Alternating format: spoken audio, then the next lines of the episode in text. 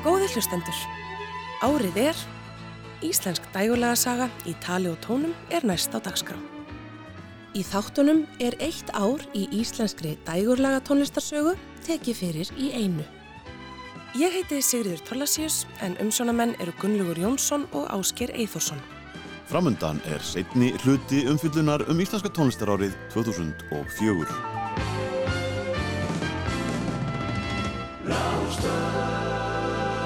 Árið er 2004.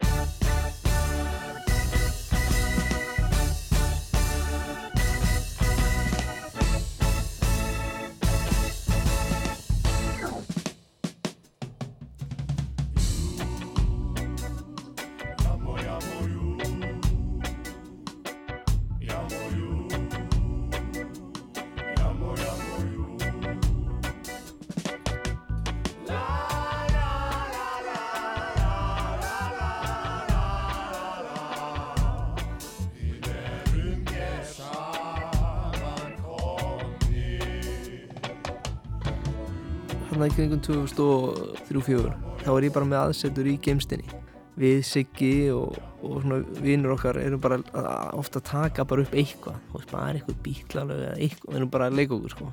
Það er rosalega mikinn tíma til að dunda sér sko á þessum árum Guðmundur Kristinn Jónsson sagði frá upphafi hljómsveitarinnar Hjálma sem kviknaði í upptökustúdíói Gamesteins í Keflavík þar sem hann, Sigurður Guðmundsson og Kristinn Snær Agnarsson fikruði sig áfram og fyrsta lægið sem þeir tókuð upp og settu í spilun var Kindin Einar.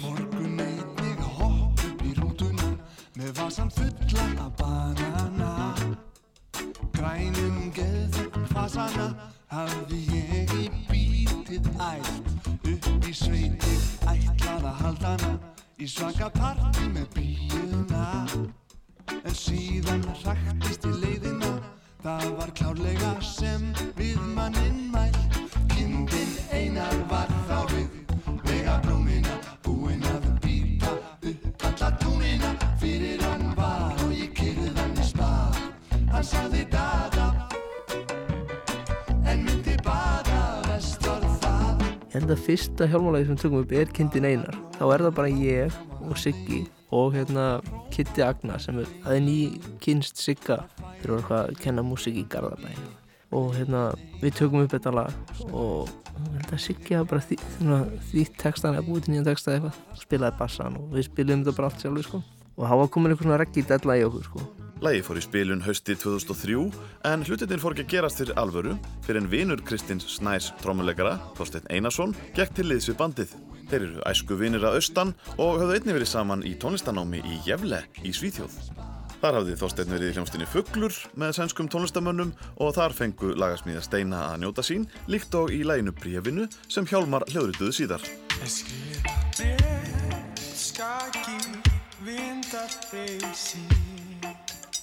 Þá kemur Steinin sko Kitty þekkir Steina og segir Steina vinn sem að hérna, eigi fullt af lögum og hafi mikið áhuga á reggi líka sko.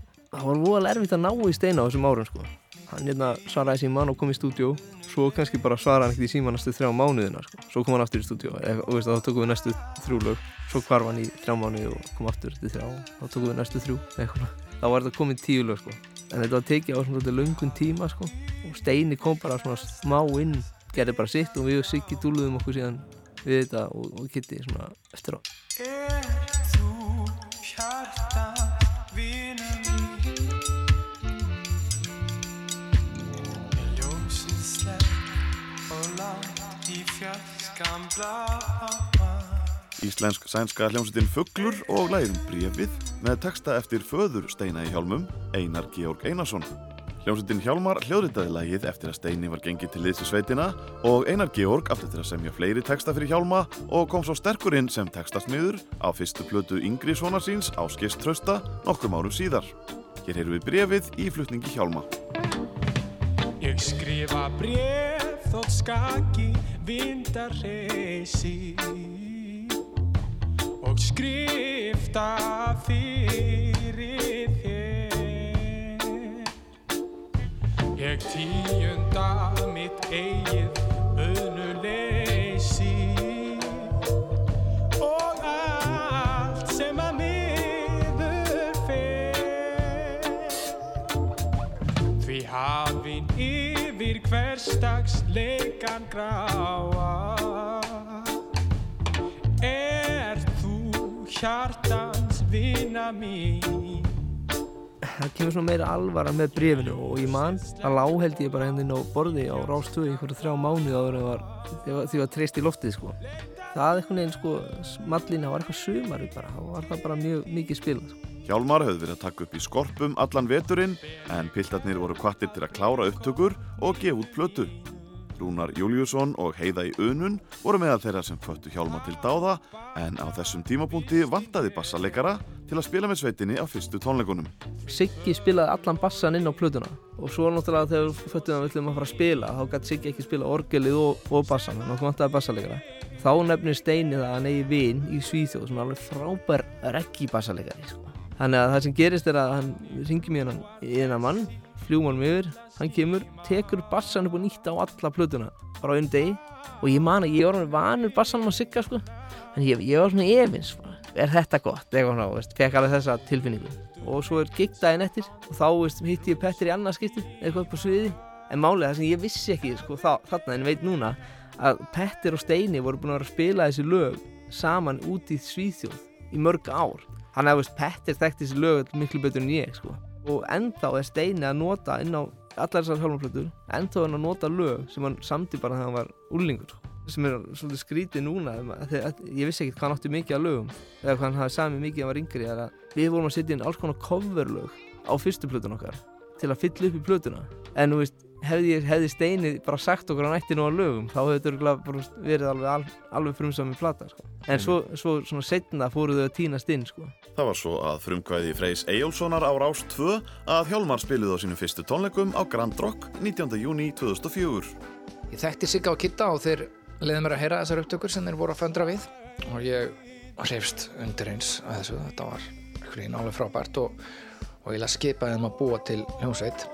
Svo bókaði ég tónleika með þeim á Grand Rock og það voru mörguleiti svona, svona góðsakna kendir tónleikar. Ég leiði sérstök ljós með manni með grænum filterum og svo leiði ég reikvél og strákarnir upp í Exton leita mig fá sérstök svona cannabis ilmefni þegar ég sagði að ég var undirbúa reggi tónleika og svo ringdi ég nokkra reggi bolta sem ég þekkti og skipaði með mætum kvöldið og, og það var svona alveg sæmileg mæting á tónleikana en daginn eftir tónleikana sem voru notabenni briljant þá var þetta band svona, eins og þeir segja Talk of the Town.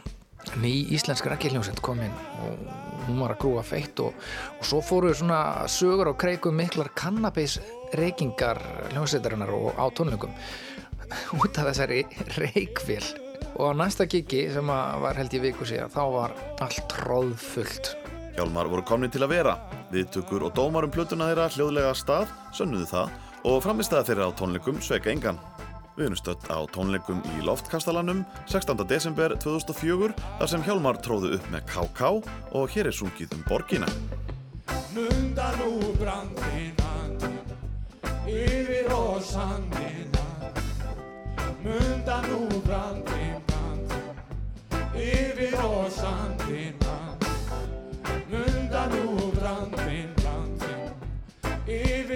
sandin, andin Munda nú brandin, brandin Yfir og sandin. Shalala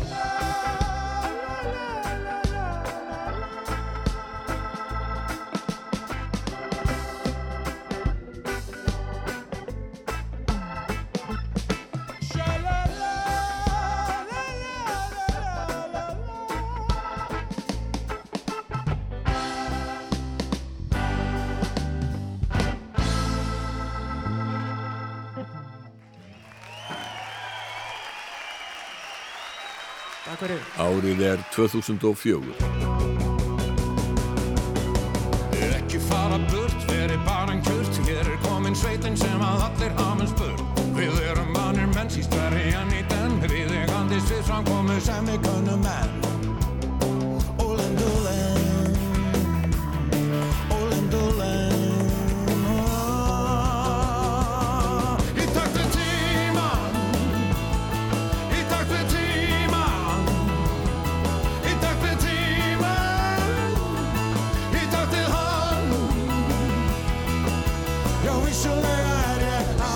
takti við hann Stuðmenn og Ágúst Guðmundsson unnu saman að gerð kvikmyndarinnar í takt við tíman og kom breski blúsöngvarinn Long John Baldry til landsins og söng með stuðmennum í fjölskyldu og hústýragarðinum um vestlunumannahelgina fyrir 16.000 manns. Baldry var á leiðinni í tónleikaferðum heiminn með Peter Green fyrir um gítarleikara Fleetwood Mac þegar hann skauðst til Íslands og gerði vinum sínum greiða. Plata með lögum úr stuðmannamyndinni í takt við tíman kom út fyrir jólinn en myndin sjálf var frumsýnd á öðrum degi jóla. Þórarinn Þórarinsson kvikmyndagagreinandi fréttablaðsins hafði þetta að segja um myndina. Söguþráðurinn er óttalega móðsuða, kryttuð fimmurabröndurum sem engir aðrir en stuðmenn myndu komast upp með að gera að burðarbita heillar kvikmyndar. En allt er það svo tengt saman í losaralega heild með mis skemmtilegum tónlistarmyndbundum sem eru full fyrirferðamikil fyrir minn smekk. Ekki síst, þar sem öll lögin í myndin eru langt frá því besta sem stuðmenn hafa gert á löngum ferli. Hér eru fá lög líklegt til vinselda en nokkur afspyrnu leiðileg. Myndin fekk enguða síður fínar viðtökur og ágæta aðsókn og lægið Fun Fun Fun gekk vel í landan. Hvað er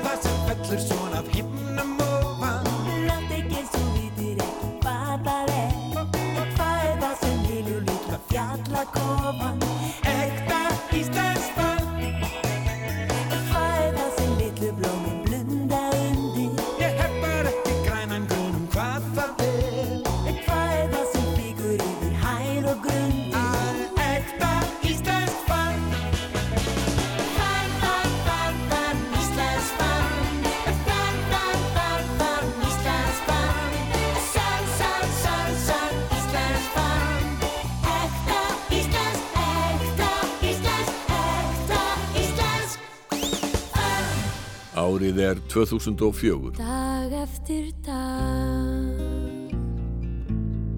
Dreg ég að mér anda þinn Anda að mér daglega Út og inn Já, dag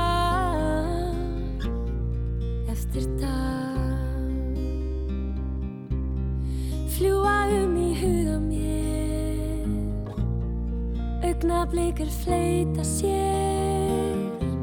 Á tímans hafi flei Sem áfram líða.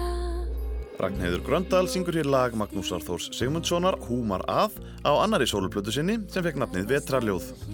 Steinsnar, útgáðu fyrirtæki Steinasberg Íslefssonar, gaf plötuna út eins og safplötuna Ástarljóð þar sem Ragga söng lagið vinsala Ást árið áður og Steinar átti hugmyndina að plötunni. Já, hann var rauninni bara að leggja upp með að búa til plötu sem myndi framkalla eitthvað svona vetrastemningu þar sem myndi blanda saman lögum um haust og vetur og svo fara inn í jólin. Og þetta var algjörlega konseptið hans og ég fekk allra náðasamlegast að hafa þarna eitthvað fjögur lög eftir mig líka sko því að það var alltaf það sem ég langaði að gera að vera líka lagahöfundur sjálf sko. Þannig að ég fekk að hafa fjögul og við rauninni fórum í gegnum alveg stóran ljóðabunga sko, alveg af alls konar ljóðum sem hann hefði týnt til, Steinar. Þannig að Magnús Þór leggur þarna til fjögulög, ég fjögur og Jón Ólas eitt og svo voru ykkur svona ábreyður eins og Vetrasól til dæmis eftir Gunnar Þórðar og Kærleikur eftir Jón G.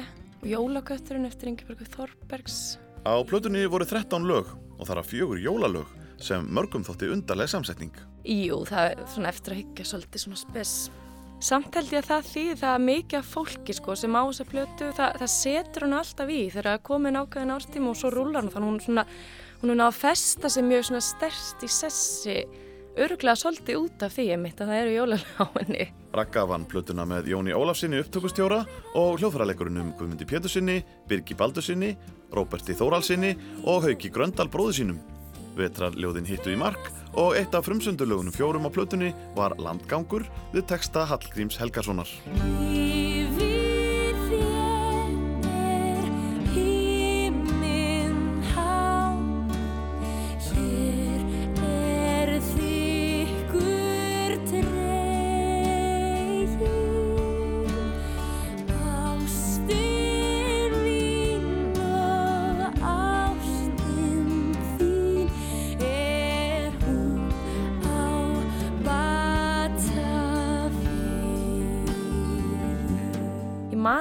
Þegar ég var að vinna að þessari blötu þá var ég í Stokkólmi í, í skiptinámi í tónlistaskólanum hérna, Kunglíka Musikhögskólan og var að búa til þessa músík þar og þá er svolítið undir svona áhrifum frá sænskri svona vísna og þjóðlega tónlist. Já og Joni Mitchell var líka mjög sterkur áhrifaldar á þeim tíma. Og þessi plata gekk vel. Já, hún gekk rosalega vel. Ég held- held hún að selst í ykkur um, já, 13-14 steintökum og bara mega side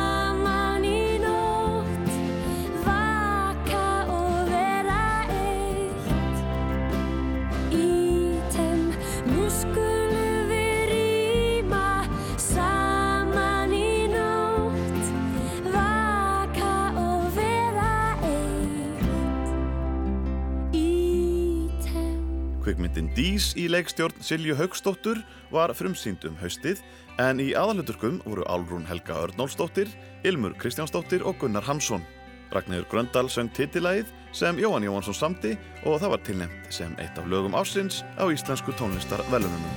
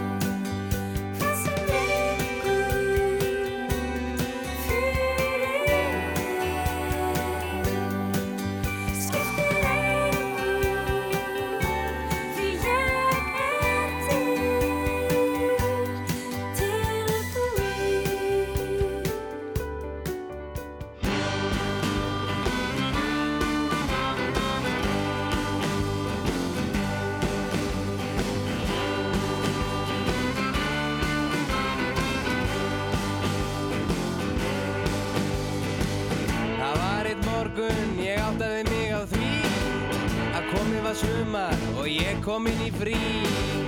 Veturinn var liðin langur og leiðilegur hann var Einhver stað voru sóliraugur en ég man ekki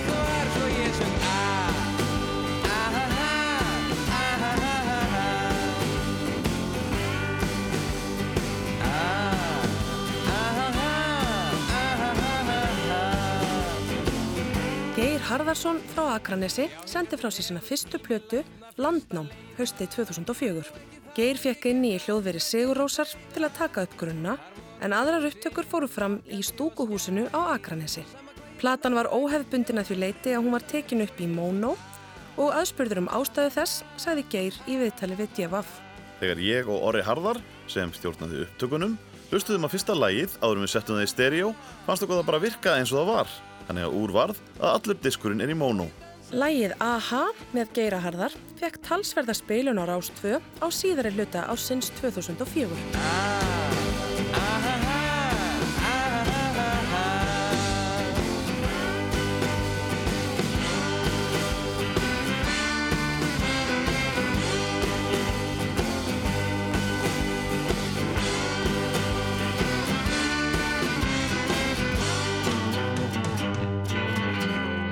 Árið er 2004. She loves me and I love her back. Bum, bum, ba-dum.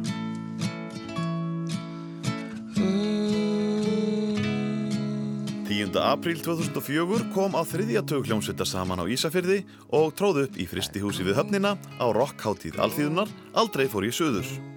Hugmyndin kviknaði hjá feðbunum Erni Eliassi Guðmundsinni, betur þekktum sem Múkisson og föður hans Guðmundi Kristjánsinni þegar þeir voru stattir á Englandi. Þá er ég meitt að spila á ICA festivalin í London Nei, ICA húsinu og það er festival sem að Röftritt búðirna voru með. Mér fannst að það klikkaður hefur að, fá, að vera valinn þar að spila með og þá var einmitt Caribou þeir voru að headline act og við vorum að, ég og pappi kom með mér út og ógeðslega skemmtilegt svo ústu, erum við þarna baksviðs og það er augljóslega svona goggunaröð í gangi. Ústu, ég, ég var augljóslega með minnsta letri það var alveg augljóst á plakatinu.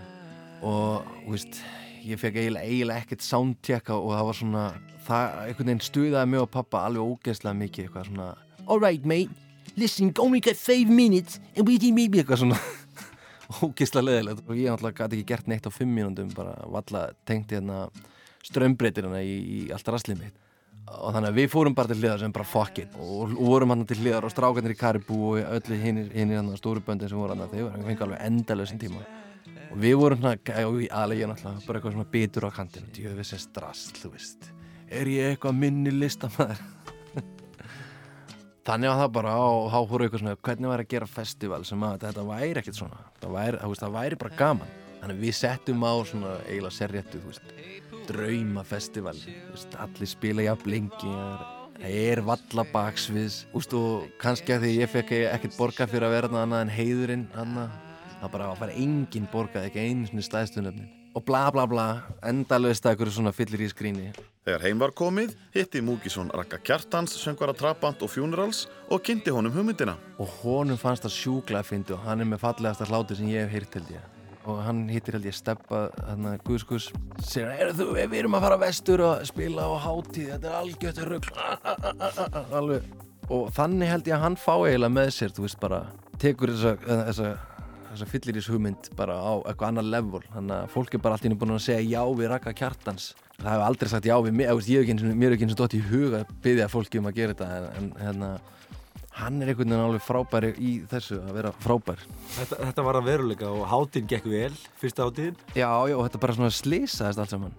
Það, veist, það var ekkert plana veist, pappi var bara eitthvað á liftara sólarhengi áður einhvern veginn að reynsa út úr gömlu fristuhúsi drasl í gáma og, og þú veist það var allt, allt eftir þessu svona ekta íslenskt eitthvað það reddast alveg út í eitt sko. Og það var eiginlega bara orðið pathetti hvað var satt. Þarna voru vestfiskir músikantar í bland við aðkomumenn og meðal þeirra voru Funerals, Dr. Gunni, Guðskus, Trabant, Steindur Andesen, Kristján, hljómsveit Pétur Spen og Lonesome Travelers.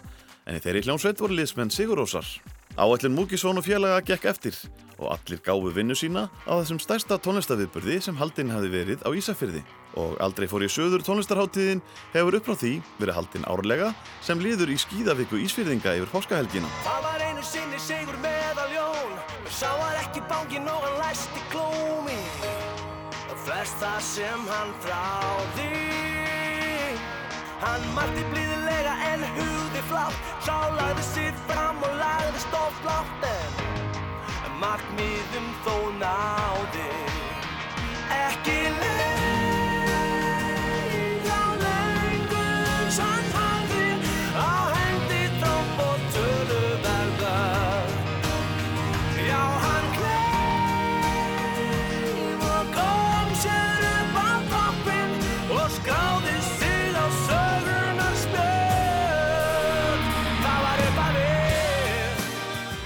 kjölfar Sigursins í fyrstu Idol stjörnuleitinni gaf Kalli Bjarni út plötu undir lok árs 2004 og fyrsta lægið, Gleðitímar eftir Róland Hartwell við texta Stefáns Hilmarssonar, fór í spilun um vorið. Þorvaldur Bjarni var söngvaran til hals og tröst á plötunni sem innihjælt tíu ný íslensk lög, þar af tvö eftir Kalla sjálfan. Það þótti hins vegar merkilegt að plata Jóns Sigurssonar sem endaði í öðru sæti í Idol-keppninni seldist mun betur en þar var að finna 11 erlend tökulög í rólari kantinum eins og gamla Crazy Horse lægið I Don't Want To Talk About It sem fjölmargir tónlistarmenn hafa spreytt sig á. I don't wanna talk about it. How you broke my heart. If I stay here just a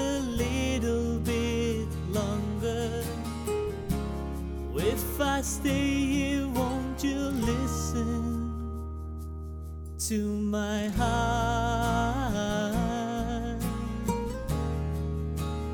Whoa, whoa, my heart. Árið er 2004.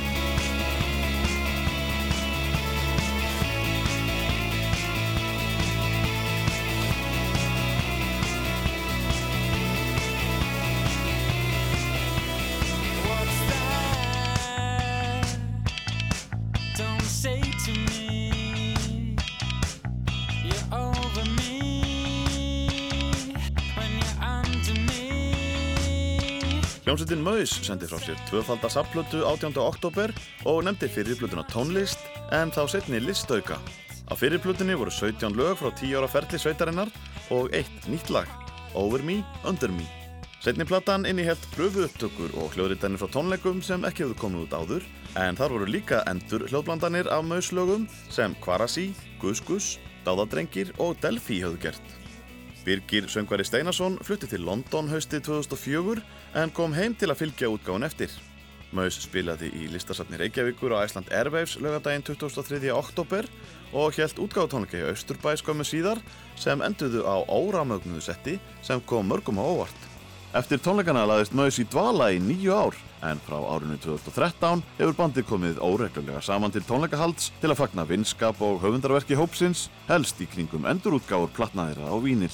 Birgir Örn Steinarsson sagði Ólafi Páli Gunnarsinni frá ástæðinu fyrir því að sveitin fór í frí í útastættinum Rokklandi á Rás 2 rétt fyrir 30 ára amalistónleika sveitarinnar í Gamla bíói haustið 2023. Þetta var mikil keistla.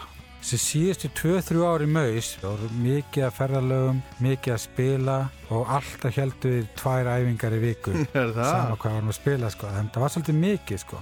Við fundum það að, að menn voru byrjar að hugsa hans út fyrir hljómsettina. Að við vorum til þess búin að reyna svolítið á það hvort að hljómsettin væri reyðbúin til þess að fara til þess allir til útlanda eins og hljómsettin voru að gera þessum tíma, botlaði á kolosá. Við fundum að það var ekki eitthvað sem við gætum gert og fljótlega upp á því þá líka bara voru á mismundi stað andlega ég get alveg þóra að segja hans að fara í einhverja smáatrið að ég var frekar slæmu stað þarna það skapaðist bara mjög óþægileg spenna innan sveitarinnar og maður reyndi bara vinátt okkar Já, já. en ég, ég held að hljómsveitin Maus hafi hægt til þess að bjarga vinátt okkar sko. en stóra breytingin var svo að við hittumst kannski í sama rými sexinum í vikuna yfir það að vera ekki í sama herbyggi í nýju ár Já.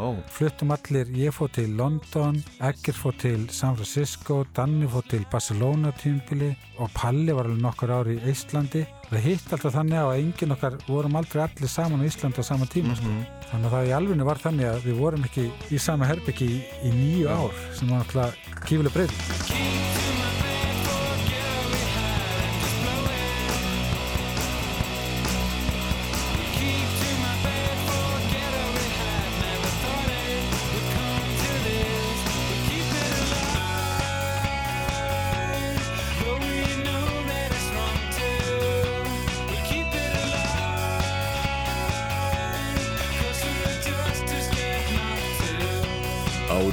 2004.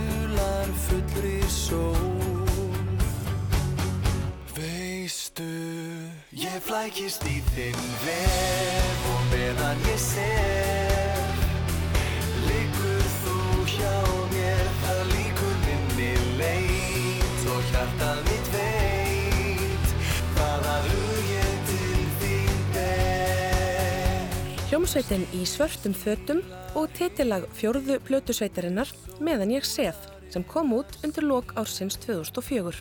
Í svörtum fötum var þekkt fyrir mikið stuð á böllum þar sem þeir lögðu meiri áherslu á tökulög heldur en að spila sitt eigið efni. Var það stefna hljómsveitarinnar? Einar Jónsson, hljómbúrsleikari, svarar því. Já, akkurat. Það var og hefur eiginlega verið all, alla tíð síðan. Við höfum ekki kannski alveg þórað að flytja öll okkar lög sem hafa verið spil í útarpi á böllum. Þegar við höfum ekki viljað missa alveg niður hérna brjálaðis stuðið sem við viljum halda sko. Þannig að það hefur verið nakin og kannski þrjú fjögur lög í viðbót á böllum og síðan restin bara einhver svona típisk tökulög. En hins vegar, já, þá má kannski segja að hérna, lögin á plötunum hafi meira verið, þar hafi verið mikill svona tónlistalegu metnaður á mörgu leiti og, og lögin oft svona svolítið dramatísk og hérna svolítið þung þannig að það var ja, rétt hjá þér, það er ekki alveg kannski harmoníja hann á milli, ballana og platnana Platan fekk frábærar viðtökur og náði gullplötusölu eins og tvær síðustu plötu sveitarinnar. Þorvaldur Bjarni Þorvaldsson stjórnaði upptökum og þegar vinnan hófst voru strákarnir með 21 lag á lagar. 11 þeirra voru valin á plötuna þar sem þemað í tekstunum var nóttin og svefnin. Ballaðan 1 er eftir Rappkjell gítarleikara við teksta Einars hljómbúsleikara.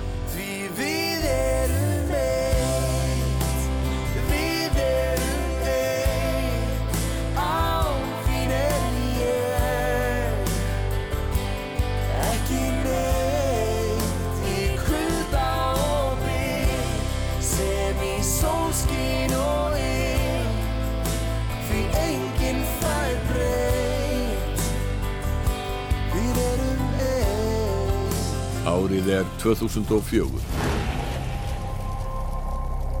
Welcome to the wonderful world of Love Guru.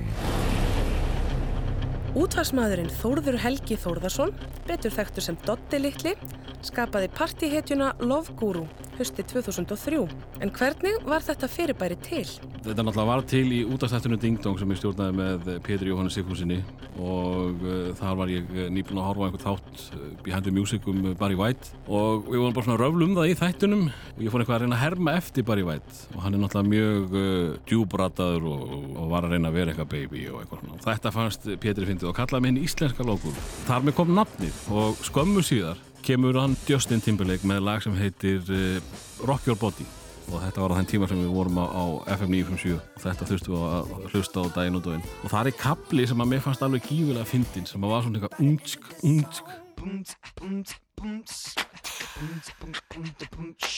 og mér dætti í hug uh, Pétur, ættum við ekki að gera lagur úr þessu? Það getur verið fyndið, bara svona fyrir þáttin hann hefði engan áhuga því við erum búin að gera nokkur ding-dong-lög sem hann netti ekkit að taka þátt í. Hann var ekki með sömu rockstjörnu drauma í, í maga sínum og ég. Þannig að þá dætt mér í hug að nota þessa típu lógúru að því að þetta umtsikka bauð upp á einhvern sóðaskap sko. Þá var bara farið það að reyna að búa til lag úr þessu. Ég þurfti að smíða einhvers konar texta.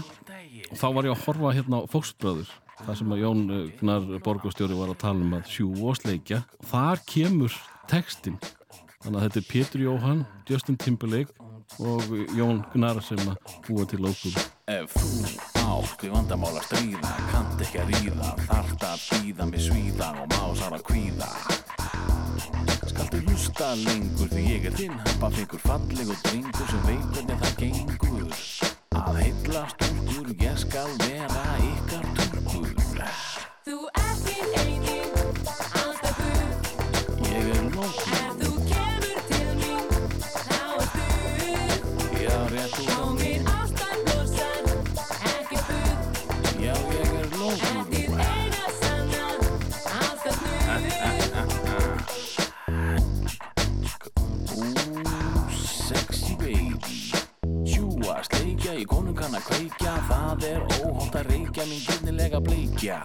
Snertu mig, ertu mig, munlega hertu mig Fyrstu lögin sem fór í spilun um veturinn voru Parti út um allt, vetur þekkt sem Grúfi sinn í hart og eftirminnileg útgáfa Love Guru á Justin Timberlake læginu Rock Your Body sem fekk nafnið Ástarblossi og það kom mörgum óvart að lögin slóu bæði rækilega í gegn. þá sko talaði ég við uh, Ingo uh, hérna sem gerði þessa plötu með mér Ingólfur uh, Árnarsson nú skulum við fara hérna gera sko, meiri svona alvörubúsi sko, því við vorum bara búin að vera að taka þess að uh, röfla yfir lög annar það var náttúrulega bara mjög ólöflegt og þegar við gefum út plötuna þá þurfum við að gera spilið allt upp á nýtta því annars hefur við náttúrulega verið kærður í drast.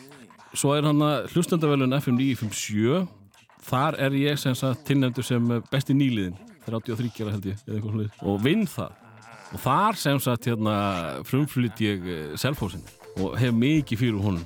Eh, ég aflitaði að mér hárið og ég hef náttúrulega mjög, mjög lítið hár. Ég aflitaði að mér skeggi til þess að taka skútur náttúrulega sko.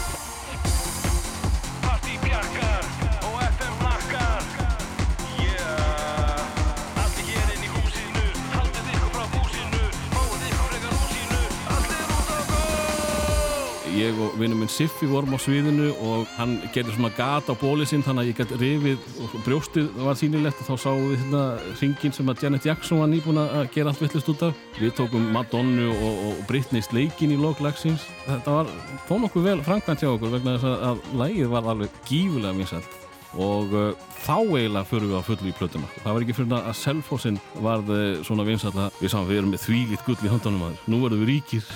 Náum að klára plötuna bara í mæ og förum það bara með tilbúna plötu og milli útgáðafyrirtækja.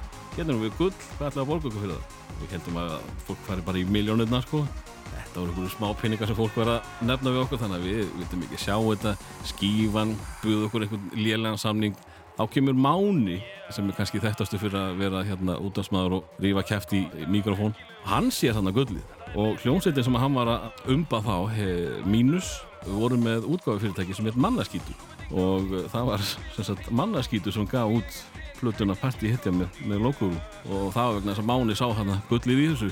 Veit ekki hvort hann hafi fengið mikið gull að því við skrifum aldrei undir neitt samning það var aldrei neitt uppgjör, ég veit ekki hvað ég seldi marga plötur sko. Platan fekk heið hóværa nafn Love Guru Partyhetja og kom út í júnibyrjun. Og þá var haldið út á land að fylgja henn eftir. Sko við fengum mjög Dominos og Durex sponsuðu túrin sko við vorum að fríum hótelum og, og, flugi við vorum bara eins og rockstjörnur sko. Gerðum rándýrt vídeo við sálfáskvikindið og fórum út um all land. Þetta er ekki hljómsveit, þetta þurft alltaf að koma að playbacki Páll Óskar á 20 mjög vinsald danslug hann er í bestalagi hálftíma þegar hann er að koma fram með sitt playback. Við vorum í tvo klukkutíma með playback. Náttúrulega spilum tvísvar stóru lögin okkar og svo vorum við bara að covera einhver diskólög sko þetta var ekki gott sko en þetta virkaði, fólk hafði gaman að þessu og fólk kom á, á, á ég náttúrulega var með sjó, það veist, ég var með glæslega söngkonu, ég var með dansara ég var með DJ og, og, það, og svaka svona hérna mynd, eða svona videosjó bak við okkur þannig að þetta, þetta var bara eins og ellendi sko. Love Guru All Stars flokkurinn túraði út sömarið við miklar vinseldir en loftið var fljótt að fara úr blöðrunni. Ég er náttúrulega helt áfram að henda út singlum og, og gerði myndbönd við þetta allt saman. Við hefum náðum mjög mikill í spilun og, og hilli í útarpi en uh, hún var fljóta að hverfa annar staðar. Ég var mjög fljótur að verða ekki cool. Þetta var fyndið hjá einhverjum í smástund en svo var ég óþólandi í augum mjög margra eftir mjög skamman tíma. Þetta var gott sprel og það er nefnilega að finna við það sko að ég hefði, sko þetta var allt tónlist sem að mér fannst leiðileg.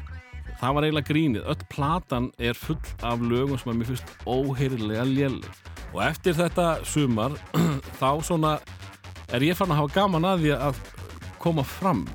Uh, eins og ég sagði sko þá var þetta allt tónlist sem ég hefði ekki gaman að. Þannig að ég ákvaði, herðu, nú bara förum við í alvöru músík.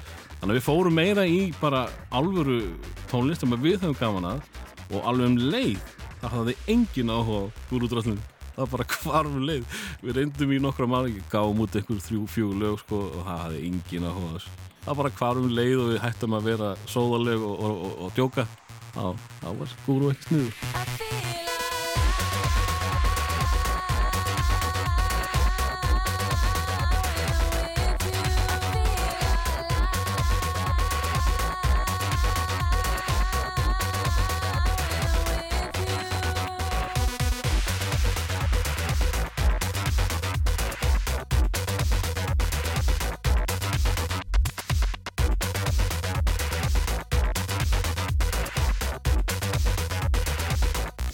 er 2004.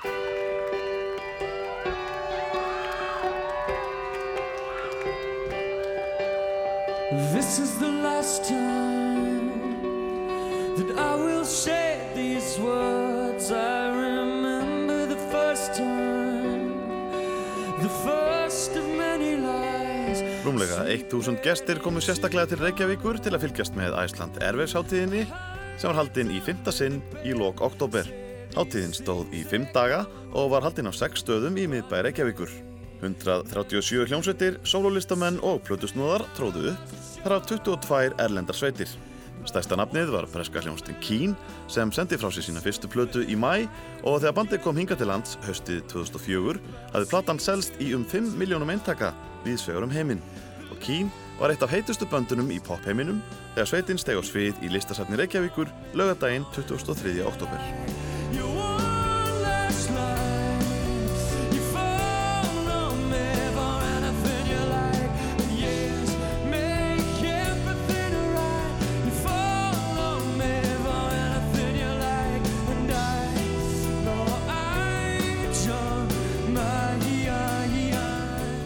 Singapore Sling fekk þryggja platnasamning við bandaríska fyrirtækið Stinky Records eftir Iceland Airwaves 2002 og fór í nokkrar tónleikaferðir til bandaríkjana til að byggja þar upp fylgi við tónlist sína. Platan Life is Killing My Rock'n'Roll kom út síðsumars hér heima og í lok september í bandaríkjunum. Singapore Sling var í miðjum klíðum við kynningar á plötunni þegar þrýr af sex meðlumum hættu, skömmu áður en Airwaves-háttíðin hóst. Henrik Björnsson, söngvari, gítarleikari og lagasmiður Singapore Sling hjælt ótröður áfram og sveitin kom fram með lánsmannskap á háttíðinni.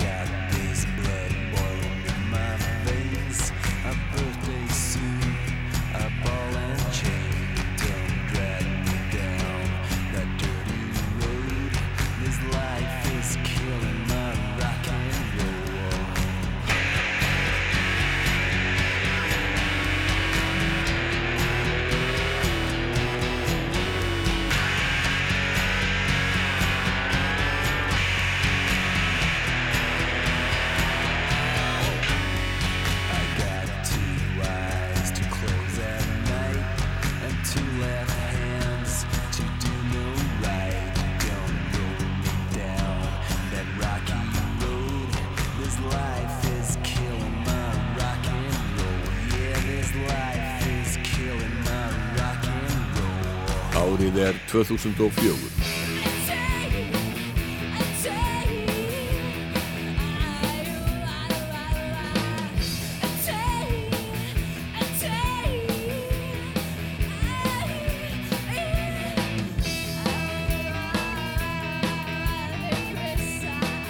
Músiktilunir Tónabæjar og Hinshúsins voru haldnar í 20. annað sinn árið 2004 og hófust 18. mars með fimm undankvöldum í Tjarnabíói en lauk með úrslitakvöldinu 27. mars í Östurbæ við Snorrabraut. 51 hljómsveit tók þátt í keppninni og þegar tilkynnt var að Mammut, sem skipið var 5 14 ára gamlum vinum úr lauganiskvarfinu, þremur stelpum og tveimur strákum var í efnilegasta hljómsveitin, byðu margir spenntir eftir því hvaða sveitir skipuðu önnur sæti. Tony the Pony frá Húsavík lendi í þriðja sæti. Lata Sport úr Hafnafyrði var í öðru sæti en hinn þryggja mánaða gamla hljómsveit Mammut sem stopnið var í desember 2003 var sigurvegari músiktilruna. Tónlistin þótti fyrsta flokks rock og roll, samspili var gott og hildarsvipurinn var sannfærendi en að auki var Katrína Mogensen kjörin efnilegasta söngkona músiktilruna.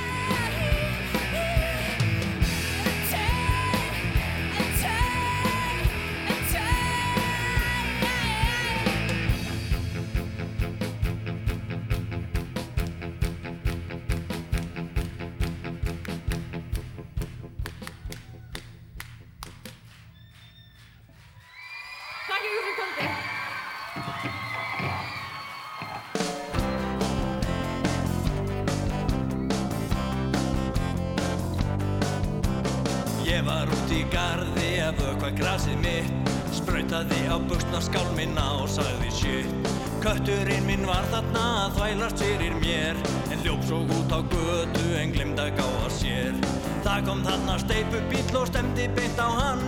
Þetta getur komið fyrir þann sem ekkert kann. Ég öskraði og æfti forðaðu þér En kattarskattinn heyrði ekki mér. Hann heyrði ekki mér.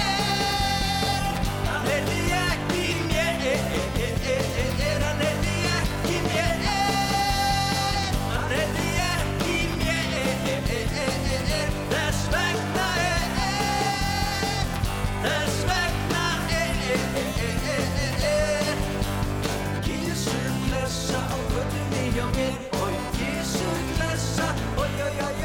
Vandalsbræður gátt fyrstu plötu sína fyrir jólinn 2003. Önnur platan, sem fekk nafnið Hrút leiðilegir, kom út í sumarbyrjun hálfu ári eftir að frumsmíðin kom á markað. Nýja platan innihelt 14 frumsamin lög og tók upptökuvinnan 7 klukkustundir en það var ekkert leið yfir hlutunum á þeim bænum. Bræðurnir spiluðu víða og heldur síðbúna útgáðutónleika á græna hattinum á Akureyri annan september en þá var platan orðin uppselt í útgefanda.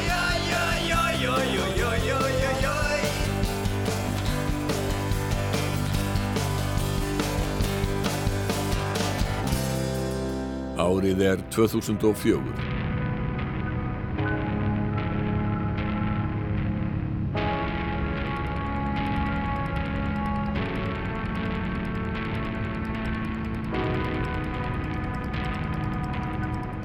Gíða Valdísdóttir hætti í hljómsveitinni Moom um ári eftir að platan Finally We Are One kom út og eftir það heldu Kristín Valdísdóttir, Gunnar Örn Tínes og Örvar Þóriðarsson Smárasson merkjum Moom á lofti. Náinn samstarfsmaður þeirra, trompetleikarin Eiríkur Orri Ólafsson, hafði lengi spila með þeim og finski trommarinn Samúli Kosminen verið viðlóðandi bandið í fimm ár. Þá kom Óluf Arnalds einnig að gerð þriðjuplutunar Summer Make Good sem kom út í apríl hjá Fat Cat. Þau lögðu sína stað í hljómleikaferðum heiminn og komu víða fram í Evrópu, Japan, Bandaríkunum og Tævan.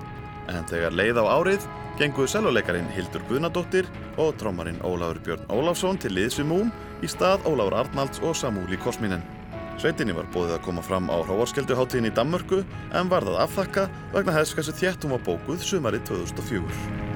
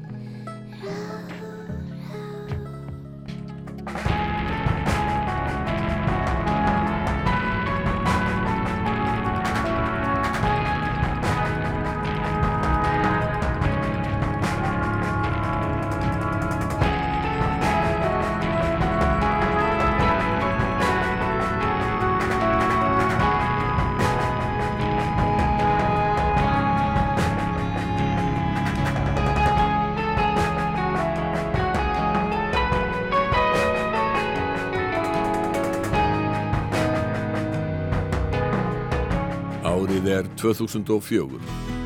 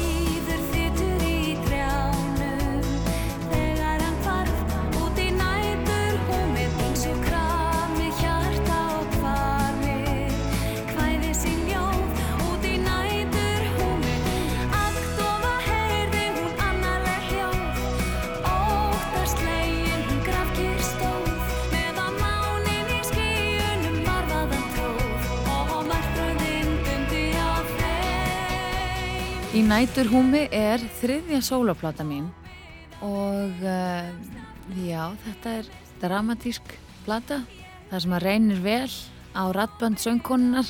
Það eru þarna stórar útsetningar sem að Þorvaldur Bjarni held vel utanum. Hann er upptökustjórinn. Ég ákvaði að þessu sinni að halda mig svolítið á svipaðri svipuðum slóðum og ég gerði fyrra. Eh, Róleg lög sem að koma kannski úr alls konar áttum. Uh, hún var svolítið persónlegri þessari, þessi plata þar sem ég á tvo texta og það var svolítið gaman að því að geta bætt svolítið við sig frá því fyrra. Margrét Eir Hjartardóttir sagði frá þriðju sólaplötu sinni í Næturhúmi og við heyrðum brot úr titilæginu eftir Mike Oldfield sem er betur þekkt með enskum texta undir nafninu Moonlight Shadow en Davíð Þór Jónsson gerði íslenskan texta. Á plötunni voru þó að mestu ný íslensk lög, flest úr smiðju upptökustjórans Þorvalds Bjarnar Þorvaldssonar en einni lögðu Rósa Guðmundsdóttir, Karl Olgersson og Ellert Heiðar Jóhannesson til lög á plötuna. Sá síðastnemdi samti balluðina Eitt góðan dag þar sem Stefán Hilmarsson syngur duett með Margrét Eir.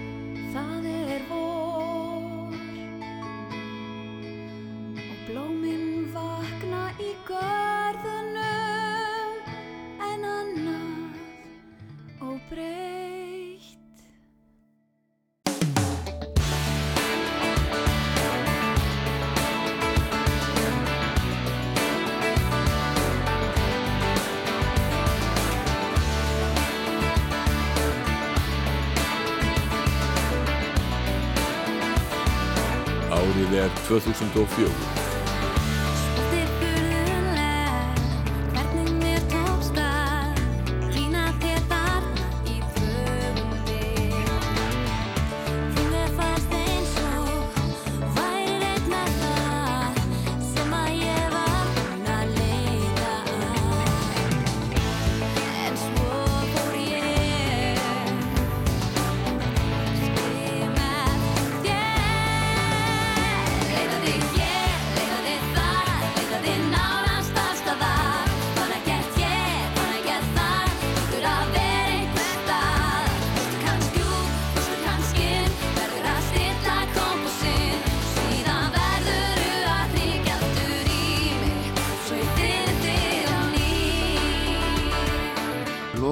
2003 þá veginn þannig að ég var að semja mikið fyrir skítamóral ég var að semja mikið á móti, fyrir á móti sól. Skítamóral eiginlega svona parkerar þarna einhvern tíman á móti sól var svona farin í hérna bíla endurgerðinnar og ég finn það að það er einhvern veginn ekki köllun eftir, eftir efni frá mér. Þannig ég finn það einhvern veginn árið 2004 að mig vantar orðið átbútt fyrir þessa músík sem ég er semja. Á sama tíma nálgast Helgi Hermansson mig sem var svona dagskrár og þróunarstjóri á skjá einum. Sumari áður hafi verið einhver, einhver sjónvastáttur þeir eru alltaf verið með svona einhverja sumarþætti sem blönduðu svona popmenning og, og eitt hérna úr hljómsveit Íslands eða eitthvað svo og hann er svona að spyrja hvort ég geti nýtt mér þetta eitthvað? Kannski maður bara gerir bara áhernabröður og búið bara til svona stelpuband eins og er, þeir eru að gera út í allan heim alltaf. Við auglistum, reyndar á þess að kynna þetta sem sjónvastátt, heldur bara auglistum á áhernabröður og það komu hundruður hérna stúlna í áhernabröður hann upp í uh, Hotel Nordica. Þar völdu við þrjár dömur og við auglistum þetta nú bara sem sumardjobb svo hérna fundum við fjórðu dömuna á, í síningu hjá uh, hérna, fjölbætskólum í Breiðholti. Og úr var þetta fjaramanna teimi sem var síðan nælanflokkurinn þetta er svona margþætt, skjá einn vantaði sjónastátt mig vantaði eitthvað til þess að koma músíkinni mín út. Stelpunum langaði að meika það í, í, í músíkinni. Og svo hérna bara var þetta alls er að bomba. Þetta var nú svona, þetta náði mun betri árangur heldur en ég hafði nótt tíma þórað að vona. Ég held að hérna árangur þeirra í þessu hafi farið bæði langt frá mínu vendingum og, og annara svona sem fylgdist með Einar Bárðarsson rifjaði upp hvernig söngflokkurinn Nælon var til eftir áhernapróf sem hann held fyrir ungar söngkonur í byrjun mars. Steinun Kamila Sigurðardóttir, Klara Ósk Eliasdóttir og Alma Guðmundsdóttir voru valdar úr áhernaprófunum en Emilju Björg Óskarsdóttur fann Einar á nefndasýningu í fjölbreytaskólanum í Breiðholti. 23. apríl kom Nælon fram í fyrsta skipti og söng tvö lög einhver staðar einhver tíman aftur og lög unga fólksins á krýningu og ungfrú Reykjavík á skemmtistanum Brotvei. Það voru líka fyrstu lögin sem sett voru í spilun en bæði lögin rötuðu á fyrstu plötu kvartettsins sem kom út um haustið. Vakti skólan klukkan sjö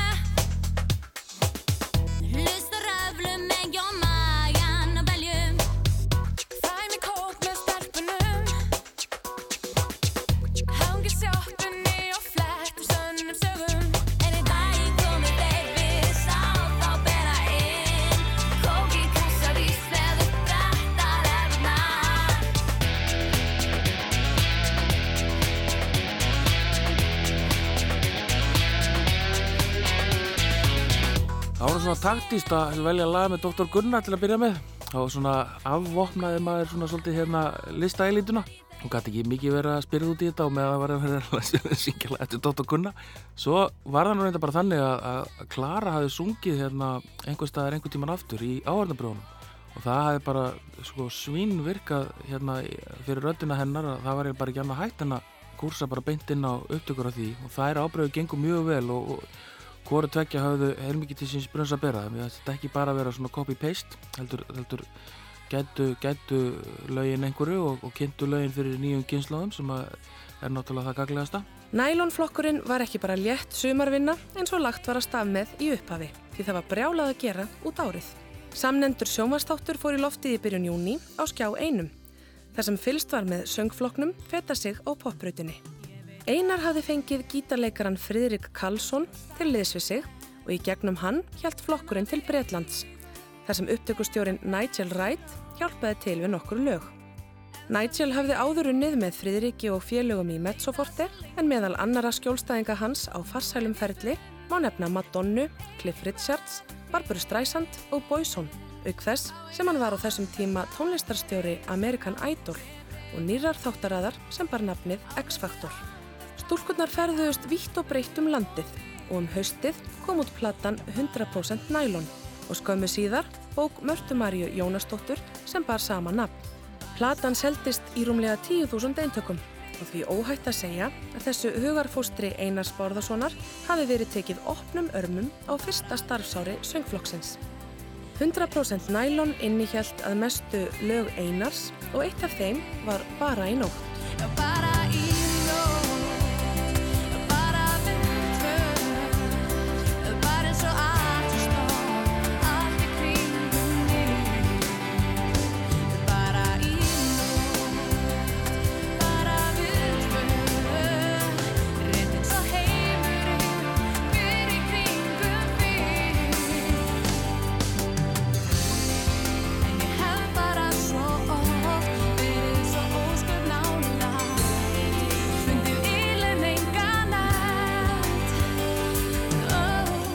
bara held að það hefði bara verið ákveðin vöndun sko. Þú veist, það vantaði svona bara eitthvað, eitthvað svona skemmtilegt pop fyrir útvarp og krakka að hlusta á.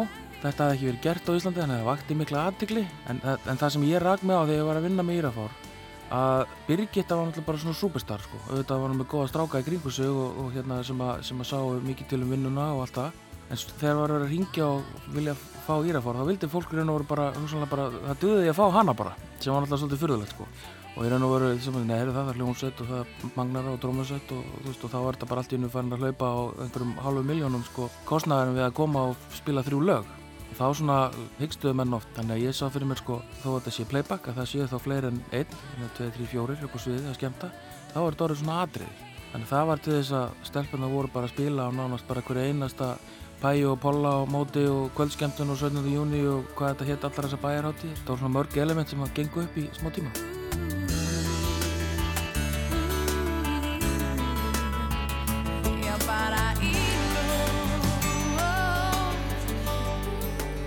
Árið er 2004. Ég fekk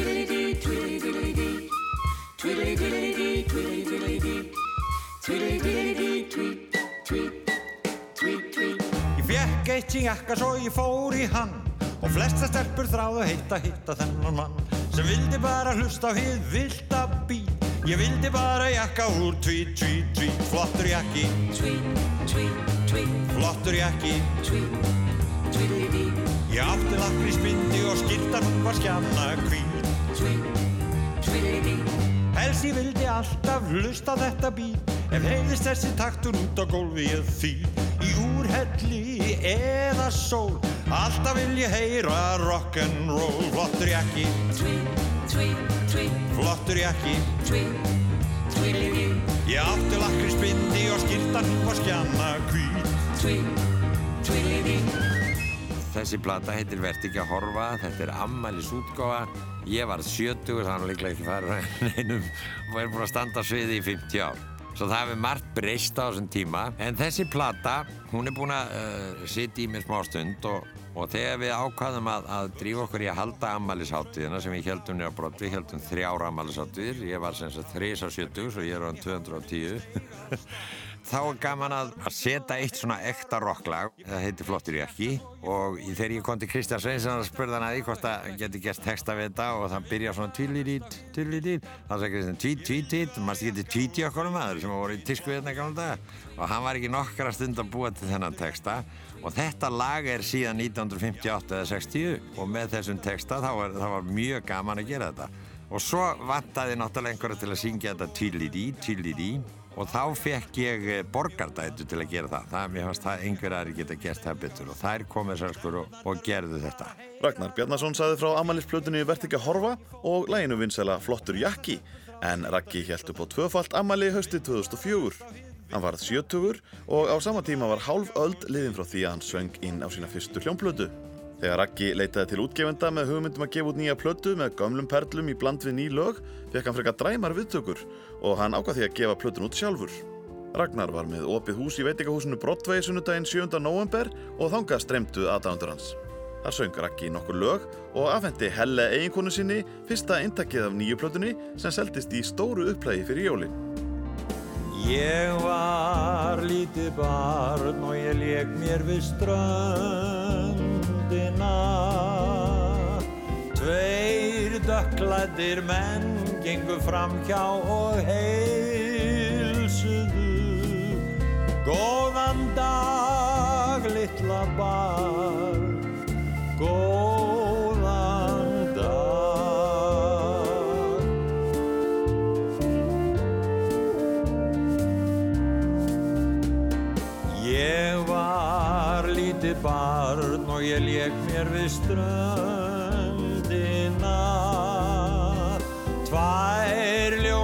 ljósarðar stúlkur gengu fram hjá og kvísluðu Komdu með ungi maður.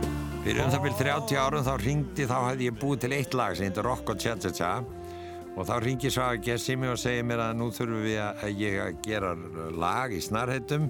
Og ég skildi nú ekki hverju að var að treysta mér fyrir því, það var náttúrulega fullt af lagahönd ég var nú ekki, ekki svona sérstaklega mikið lagahöndur en allavega þá byrður hann mig að gera þetta og ég segi, heyrðu, ég þarf að fá eitthvað texta og svona, hann segi, það er engin tími til þess, ég skal lesa það fyrir þig. Og þetta eru þrjár ferskettlur um lífslaupið og þetta er alveg ótrúlega vel gert. Einhvern veginn þá hafði ég á tilfinningu að ég var búinn að heyra þetta kvæði hann hefði ekkert verið voðalega lengi að gera þetta hann steitt steinar þegar hann bjóð þetta ljóð til svo ég var ekkert voðalega lengi að gera þetta og, og þetta þurfti að komast til London því þar voru Savana tríóið að syngin á plötu og það vantaði lag. Og þetta er nú bara mikil ánægi fyrir mig að hafa fengið tækifæri til að gera þetta því að við erum að syngja þetta enn þann dag í dag. Gott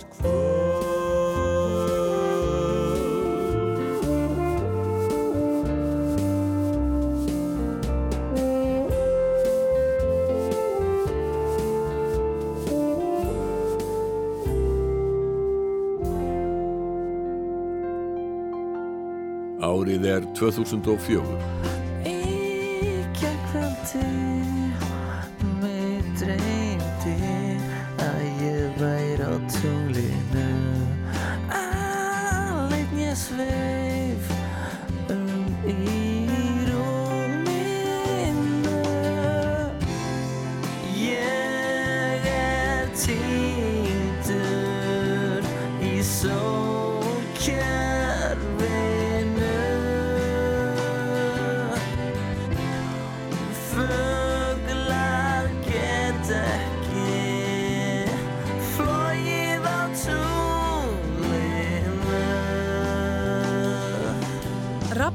Ragnar Jónsson, trommuleikari frá Ísafyrði, lést 27. júni eftir margra ára hetjulega baráttu við taugalömunar sjúkdóminn MND sem svifti hann hægt og sígandi getunni til að geta hreift sig.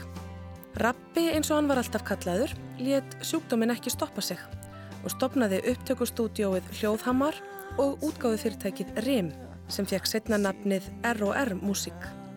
Hann gerði þrjár sóloplötur á þessum tíma. Andartak, ef ég hefði vangi og fuglar get ekki flóið á tunglinu. Rappi var þekktur sem trommari ísfirsku hljómsveitarinnar Ír, var um tíma í danshljómsveit Vestfjörða, fór síðan í Hauka og stopnaði grafík með Rúnari Þórusinni sem hann kynntist í Haukum. Hann var í Bítlavinafélaginu og stopnaði Sálinans Jónsmins með Jóni Ólafsinni. Hann starrakti líka hljómsveitina Galileo, spilaði um tíma sem slagversleikari í Symfóníuhljómsveit Íslands og lærði trommuleik hjá Pétri Östlund í Svíþjóð. Rappi átti sér þann draum að komast í Abbey Road stúdióið í London og taka þar upp. Þessi draumur var það veruleika árið 2003 en þá var Rappi orðin mjög máttlítill vegna þess hvað MND sjúkdómurinn gekk nærri helsu hans.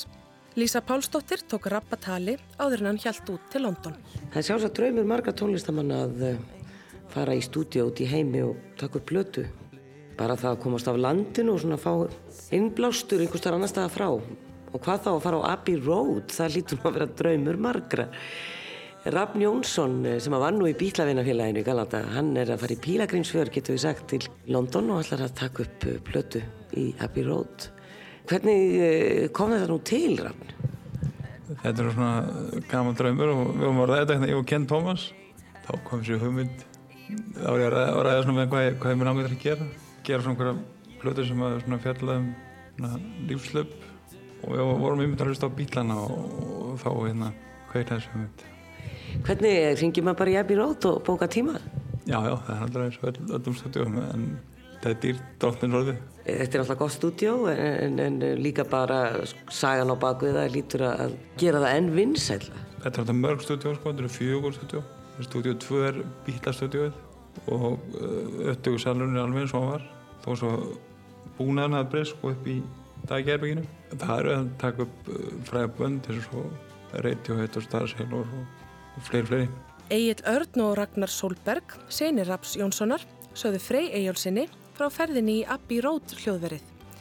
En eftirvinnslan var kláruð heima á norðurbrautinni í Hafnafyrði, þar sem Rappi var með hljóðver sem hann kallaði Rappi Road. Hann er fyrst íslendingur sem að gerir plötu í Abbey-Road stúdíunum sem Já. er frægasta hljóður í heimi. Hann var náttúrulega mjög veikur en þetta var bara draumur sem hann vildi láta rætast. Já, og það var svolítið fyndið, ég spilaði þessi demo fyrir hann sko. Þau voru ekki mikið merkilegri en bara kannski tveir hljómar og gítar sko. Síðan bara fóru hérna þessi hersveit út, viðst Haraldur Þorsteins og Rúna Þóris og Jón Ólafs Jón og- Ólafs og við tveir sko og pappi og það var bara demodiskurinn með einum kassagítar og engum melodíum eða neitt sko. Það var bara einhver, einhver tilfinning sem pappi hefði verið með og það var bara að hlusta á það hann í kontrolherbyggi síðan bara allir niður stegan út í sal og stilt upp og bara talið í. Kom alveg hörkugrúf. Og hann satt sko satt upp í mitt í herbygginu með svona, svona kaltæki Svo var hann þetta líka niðurstundi hjá okkur sko, þegar hann spila. hann var alveg pródúsera sko. Þetta var ógeðslega gaman. Við vorum hann í tvo daga tókum upp sett alla grunna fyrir plötuna og förum síðan heim og höldum áfram að vinna hana. Hann þurfti alveg pínu pásu eftir að við komum heim sko, það tók svolítið á fyrir hann. Síðan byrjuðum við að semja texta og melodíur og eitthvað svona við tökum upp söng. Ég sett synga alla plötuna. Það var mjög riski átkvörðun sem hann tók að láta mig syngja þetta allt saman. En ég gerði það. Og síðan þegar því er lokið sem að var þá einhvern tíman um sömari 2004 um vorið já. kemur hann Ken Thomas kom og byrjaði að mixa plötuna að ósk hans pappa þá var hann orðin rúmfastur sko. Mhm. og hann kemur Ken og mixum fyrsta lagið. Og þá var stúdjóið sko heima hjá okkur. Og pappi var bara rúminu í herbygginu við hliðina á og þá var þrættur headphone sko í út um gluggan og inn til hans og hann hlustaði á fyrsta mixið kinkaði svona kolli og samþykti það sko og síðan lést hann um nóttina þannig að þá var hann svona, svona spárið að setna mér eins og hann hafi bara verið að býða eftir þessu að vera vissum að klá að sett Þetta var allt í réttri leið. Já. Og hann hvati ekkert fyrir að hann var sáttur við þetta. Nákvæmlega. Þetta er náttúrulega bara eins og eitthvað skaldsa að hlusta á þetta. Já, og síðan morgunin eftir að hann dó, þá fórum við kerðu ég og einn og náðum í ken aftur og heldum áfram að mixa það var ekkert stoppað til að sirkja henni það var bara Engi tími til þess maður, sem að gefa plötuna. Já. Og svo kom platan út. Já. Rappi vissi að hverju stemdi þegar hljóðblöndun á lögum plötunar Fuglar get ekki flóið á tunglinu hófst. Hann bóðaði vini sína til sín hvern og eftir öðrum og bað þá um að klára ákveðin verkefni í tengslum við plötuna og tryggja að hún kæmi öruglega út. Hann skipulaði líka 20 ára afmælist tónleika grafíkur plötunar Geti tekið sjens sem átt að fara fram 10. júli á Ísafirði. Þegar tónleikarnir voru í höfn og Ken Thomas og Seinir Rappa voru byrjaðir að hljóðblanda lögin fyrir þriðju sólaplötuna, saði Rappi að veðrið væri gott fyrir vestan og fannst lífsverki sínu vera lokið en hann ljast nóttina eftir hann let þessi orð falla. Veðrið er gott fyrir vestan Hvert verði ég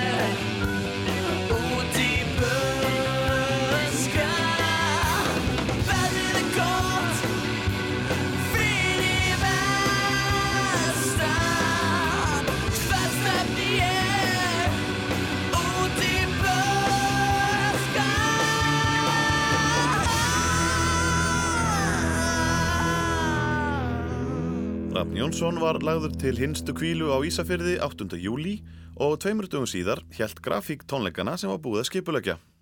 Stefán Hilmarsson samti texta um rappavinn sinn við lag Rólands Hartwell og það var uppáslag 5. soloplötu Páls Rósinkrans. Lægið fekk nafnið Náttúrubarn Ég hugsa um þig. Það þyknaði upp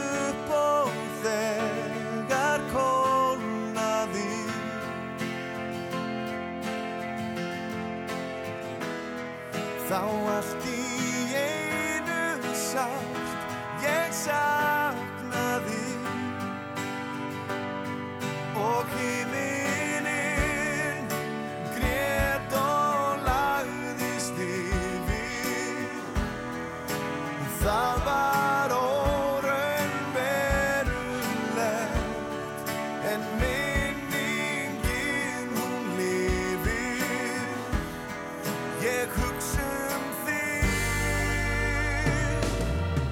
Þegar Páll Rósinkrans vann að samnendi soloplötu sem kom út undir lok ás 2004 fekk hann átta lög frá sjö íslenskum lagahöfundum og söng einnig tvö erlend lög við íslenska texta. Páll var kjörinn söngvari ásins á íslensku tónlistarvelununum og hér syngur hann með Kallabjarna lagið Lífið sjálft eftir Þorvald Bjarnar Þorvaldsson við texta Stefáns Hilmarssonar. Og veröldin mín Ég elska þig eins og svín Á skítugum haug Það er einhver taug Sem elskar þig gamla og þreita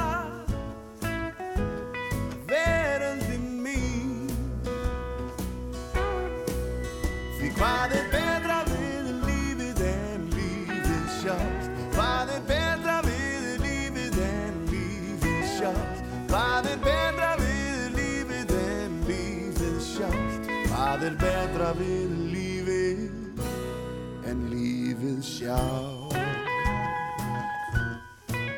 Árið er 2004. Þennan dag var júkandi rók og kvika Öskugrá öldu við híminn bar Trollið var fast og við fundum slinkinn sem færð okkur á kafi öldutnar Bubbi Mortens sendi frá sér plötuna Tvíburinn 7. oktober 2004 og var hún tekin upp á aðeins 20 tímum.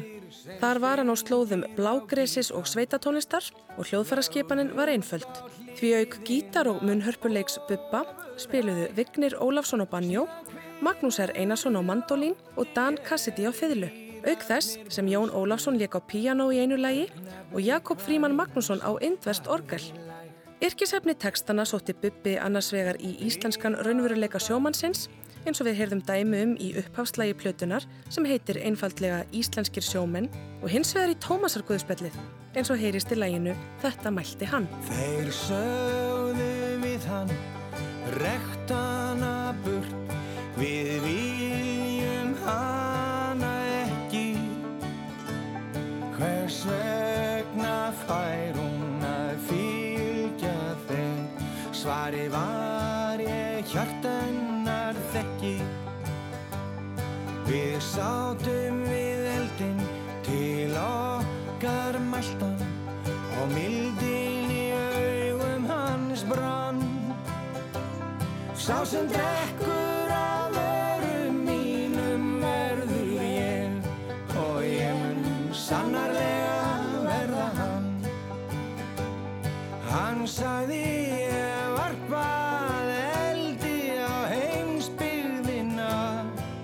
Þarna er ég að segja og vitna beint í Jésús Krist Tómasar Guðspjallinu og lagi byrjar á því að lærisveinarnir er að kvarta við Jésús yfir því að María Magdalena fær að vera með og Jésús svarar þeim að hann þekki hjartanar og strax þarna sé hún með. Og síðan tekur María við og segir litla sögu. Hljómsveitin Ego reis úr Öskustóni sumari 2004 og spilaði ofinbellega í Íslandi í dag á stöðu 2. Bubbi og trómarinn Magnús Stefánsson voru þeir einu úr upprúnulegu sveitinni en á bassa leik Jakob Smári Magnússon, Rapp Tóruðsson úr Djeplak Djó og Enzimi leik á orgel og Einar Þór Jóhansson úr Buffinu spilaði gítar.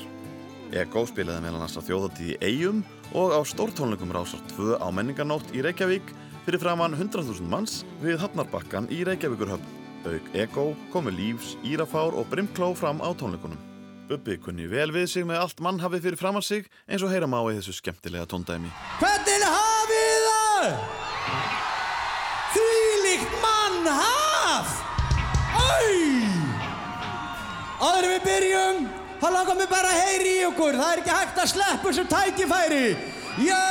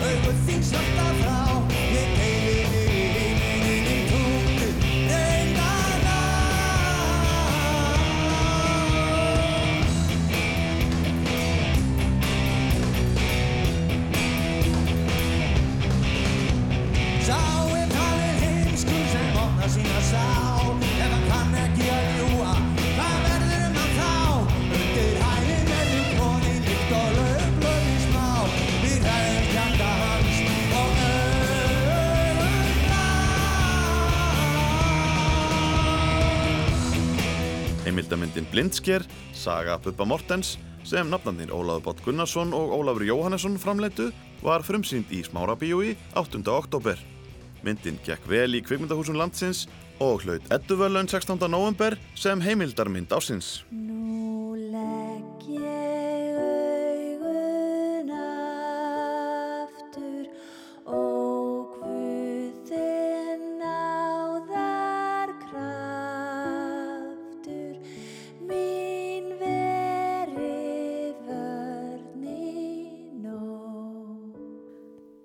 Ellen Kristjánsdóttir hafði lengi gengið með þá hugmynd að gera plötu með sálmum.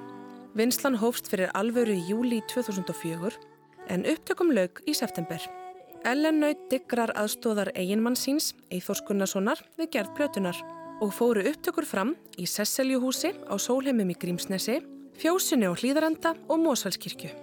Platan fekk frábærar viðtökur og var svo söluhæsta árið 2004. Biskup Íslands veitti Ellen og Eithori sérstaka viðurkenningu fyrir að vekja svo eftirminnilega aðtekli á íslenskum sálmaarfi. Ég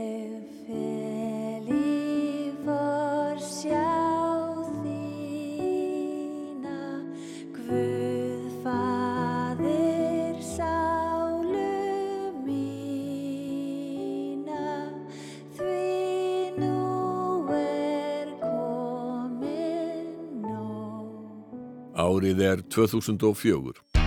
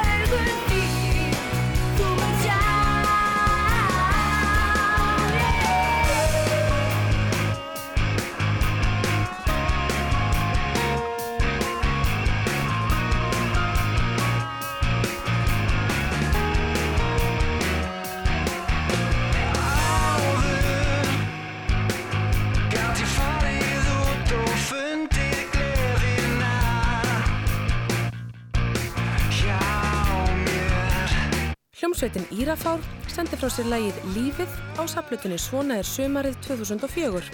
Spilaði víða og lauk sömurinn á því að koma fram á stórtónleikum Rásar 2 á menninganótt. Eftir það fóru liðsmenn sveitarinnar í frí fram yfir áramótin. En Birgitta Haugdal, vinsælesta söngkona landsins, satt ekki lengi auðum höndum.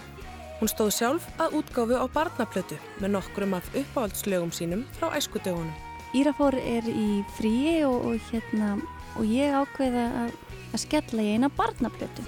Ég hérna, átti mörg uppáhalds barnalög og Írafór egnaðist svo marga unga aðdáðundur og mér langaði svolítið að gera eitthvað fyrir þá og, hérna, og þetta var einhver draumur sem ég hafi átt lengi að hérna væri gaman að gefa út barnaplötu og ég tala ekki um fyrir börnin mín í framtíðinni að hlusta á. Þannig að ég vel þarna mín uppáhaldsbarnalög og, og fæ Þorvald til þessu mig og hérna gefa út plötuna Perlur sem að var bara ótrúleitt hitt, bara annars konar hitt.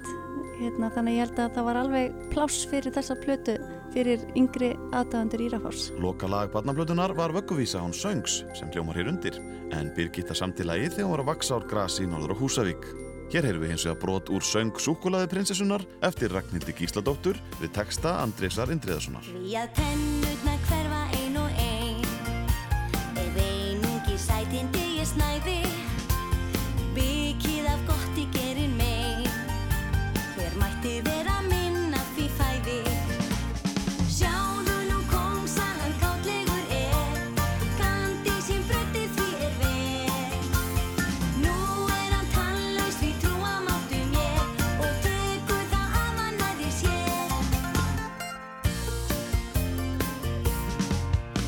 Margir vildu hagnast á vinsældum Birgittu og fekk hún alls konar tilbóð. Fjórir bókaútgefundur vildu láta rita æfusögu hennar sem Birgittu fannst ekki góð hugmynd á þessum tímapunkti, enda aðeins 25 ára gömul. Hún fekk fleiri símtöl og eitt var svo sérstakt að hún sagði einfaldlega já við þeirri ósk sem borum var upp í síman. eins og frækt hefur orðið þá ringja hagköpsmenni mig og þeir eru með þess að snildar hugmynd þeir ætla að fara að búa til Birgitudúku og ég, auðvitað hló ég bara þegar ég fæði þetta símdal og hugsa hvað er að gerast? En þeir segja við vildum bara fá hérna samþykki hjá þeir, veist, er þetta í lægi megum við gera þetta? Og, hérna, og ég hugsaði sem svo bara akkur ekki, hvað hérna ég hafði enga ástæðu til að segja nei eða hérna, mér fannst þetta bara fyndi og skemmtilegt og það fer af stað heljarnas ferli og hérna þá ég fyrir einhverja myndatökur og þá að senda myndirna til Kína þannig að dúkkan verður sem líkust mér og, og hérna og ég kem með einhver föt sem ég átti og það voru tegna mynd af þeim fötum og þá átti að sauma nákvæmlega eins föt á dúkkuna og þetta var allt svo fyndið. Hérna en síðan kemur dúkkan til landsins og ég sé náttúrulega að dúkkan er ekkert lík mér en ég gæti ekkert kvarta þetta var ekki, hérna, þetta var ekki mitt ég var ekki að taka sensa eða hérna þetta var ekki mitt vandamál en auðvitað var hún með mínu augu og mitt hár og í fötunum mínum og ég hugsaði já þetta er ekki dúkka sem er lík mér en, en akkur ekki bara endilega selja henni ef þið getið. Hún seldist bara mjög vel ég veit ekki hvað fóru mörg þúsund af henni en hún seldist ekki nærið eins vel á platan. Sem betur fer fyrir mig sem tónlistakonu þá var ég nú mjög ána með það. að, að tónlistin væri nú meira að tala til fólksins heldur en einhver dúkka. Þó dúkkan hafi alls ekki verið lík Birgittu, seldist hún samt sem áður vel fyrir jólinn, en hvort öll 6.000 eintökin fór í jólapakka hefur aldrei verið upplýst. Ég kleima mitt heimaland, hekli og sprengisann Kleima mitt heimaland, brenni við nú ekkert land. Kleima mitt heimaland, fyrði og svartan sann Kleima mitt heimaland, kleima mitt heimaland Hey yo, hæsta hendingarmenn, býta og spýta. Ég er eins og Keith Richards en án gítars. Alltaf í Puma, ekkert geysinell Og ég kjaft fór eins og Dave Chappelle. Og ég hef séð allt Og ekki getur rætt mig vikingur Í hvern einasta ætlið. Frumstæðu kappi og sverði mitt er tonn Í íslensku rappi er Gísli Súrsson. Ég kleima mitt heimaland, hver er ég búgur? Kleima mitt heimaland, í síkdómi jög Kleima mitt heimaland, en svo á mig jög Kleima mitt heimaland, kleima mitt heimaland Usunurad atlaq sinaqad Alla uqappu sabamna saqad Nibili uqad taqaluaq bugul Sósuli soqutigini qangipsugul Það kom út á plötu sem heitir Hæsta hendin sem ég vann með Unnari Frey Theodorsinni og Nick Kvaran og hans grúpu sem heitir hérna, Madness for Real. Eh, og dönsku hafa, hafa gengið undir alveg den geili pósi og eru mjög stórir í Danmörku. Eh, hann er hálf íslensku hann Nick Kvaran, hann er sonur hérna, Gunnars Kvaran, selváleikara uh, hérna, þannig að við gerðum svona dansk-íslenska plötu og fengum á henni eru gestarapparar sko, frá öllum Norrlöndunum sko, stærstur rapparar eru frá öllum Norrlöndunum á þeim tíma í lagi sem heitir Norður. Það er uh, Proof uh, hérna, Svaramadurinn og bestu vinnur sem er á henni sem var í, var í D12 en, en var skotum til bana uh, svo, plata er stór merkileg Erpur Eyvindarsson talaði um verkefni sem kallaðist Hæsta hendin og hann gerði í samvinnu við dönsk-íslensku rapparana Den Geile Pose. Í læginu Norður komu fram rapparar frá öllum Norðurlöndunum og fulltrúar Íslands voru Blas Rocka og You Fresh. Platan var tekin upp í Danmörku og þar var bandaríska rapsveitin D12 á tónleikaferðalagi og tókst Erpi að lokka rapparan Proof úr þeirri sveit með sér í hljóðver og tók hann þátt í læginu Rautt ljós á barnum. Hæsta hendin kom fram á tónleikum 50 Cent í Laugardalshöll og þar fengu tónleikagestir að heyra lægið Botnin upp sem var titilaplötu sem við sendu frá sér 10. november. Ef þið viljið meira Ég segi botnin, segi þið upp Botnin upp, botnin upp Þegar ég segi botnin, segi þið upp Botnin upp, botnin upp Botnin upp Botnin upp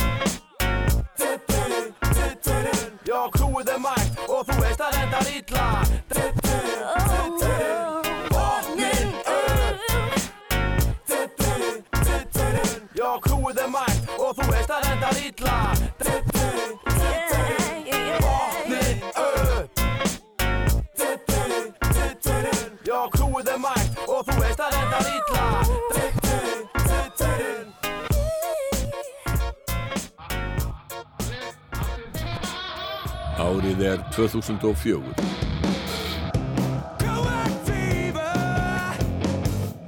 I'm shaving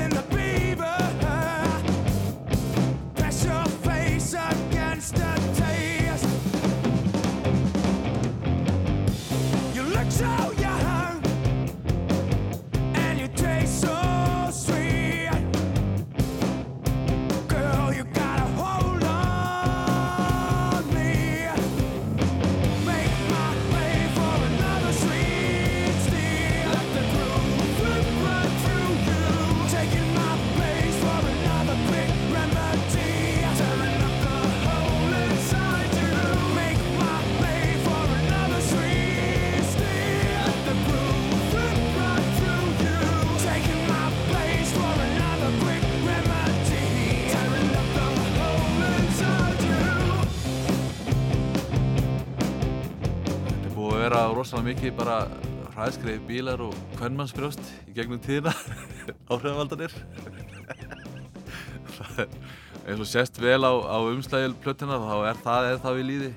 Við erum óða lítið að taka einhverja meðvitað ákvarðan um hvert við ætlum að fara. Við gerum rauninni bara það sem kemur út og það sem kemur út hverju sinni er bara er hljómsdyn Brainpolis. Í upphafi þá voru kannski fyrstu tónleikarnir voru alltaf þá spilum við bara fjögur kofulög þær hljómsdyn sem spilum þá Kaius, Fu Manchu og Víser voru kannski svona það sem að móta okkur í upphafi. Síðan eftir það þá bara þá einhvern veginn blandast þetta og þetta er svo voðalega mikið maður, maður er að hlusta á allan fjandan og, og hérna sogar í sig bara úst, hérna, pælingar frá hinum og þessum. Þannig að þetta, er- voðalega erfitt að henda einhverju reyður á eitthvað, eitthvað einu eða í, í einhverja eina átt sko, þetta er, við vorum bara leiðinu upp og erum með þá leiðinu þákað Sagði Jón Björn Ríkarsson, trommuleikari Brain Police og við heyrðum brot úr læginu Coed Fever af þriðju plötu sveitarinnar Electric Fungers sem kom út árið 2004. Platan var að mestuleiti tekin upp í stúdíó Sýrlandi en einnig í foreldrahúsum gulla gítarleikara sem þau kölluðu Parents on Vacation Studios á plötuumslæginu. Axel Árnason stjórnaði upptökum og Kevin Metcalf hljóðblandaði plötuna í Soundmasters í London. Hljómsveitin Brain Police hefur allatíð æft mikið og skipulega. Lífið er mjög einfalt þetta er bara að þú vinnur að því sem þú ert að gera og þá nærðu langt í og það einhvern veginn var bara alveg frá upphafi bara svona sam ákveðin agi um það að það erði bara æft. Við vorum í húsnæði og þá höfðum við bara ákveðna æfingadaga. Þetta voru tveir dagar í, í, í miðri viku. Föstu daginu voru yfir svona bara, þá máttu rauninni allir mæta og þá var bara háaði svo lögadaginn og sundag þá við áttum lögadag og hérna áttum sundag og eitthvað og að því að þetta voru svona fáið dagar í hverju viku þá var bara ákveð að það skildi nýtt. Og við æfðum alltaf alla þá virkudagar sem við höfðum alveg lágmark tvisar viku. Svo ef það voru tónleikar þá æfðum við yfirleitt alveg reyndum að fá lánuð kvöld og svona þá æfðum bara þrjus og fjóru sinum í röð og tókum svo einn dag í frí og komum svo sterkir inn á tónleikum þetta hefur einhvern veginn verið bara meðvitað ákvörðun hjá okkur öllum. Og það er bara svo fyndið að það voru allir, allir á þessari bylginind eina svona regla sem við höfðum var að það var aldrei æfing eftir gig að það var lögbundin frídagur en svo bara, þú veist, það var gig á lögadegi og, og frí á sundegi og svo bara æfinga mándegi strax eftir. Með plötunni fylgdi DVD-diskur með 47 mínútna heimildamynd um gerð plötunar en það var lægið Mr. Dolly sem fekk mesta spilun á öldum ljósvakans. Cause Mr. Dolly, hold lost his mind, he'll never be alright. Now praise his grace that you will never find. He leaves his image perfect in your mind. Flying so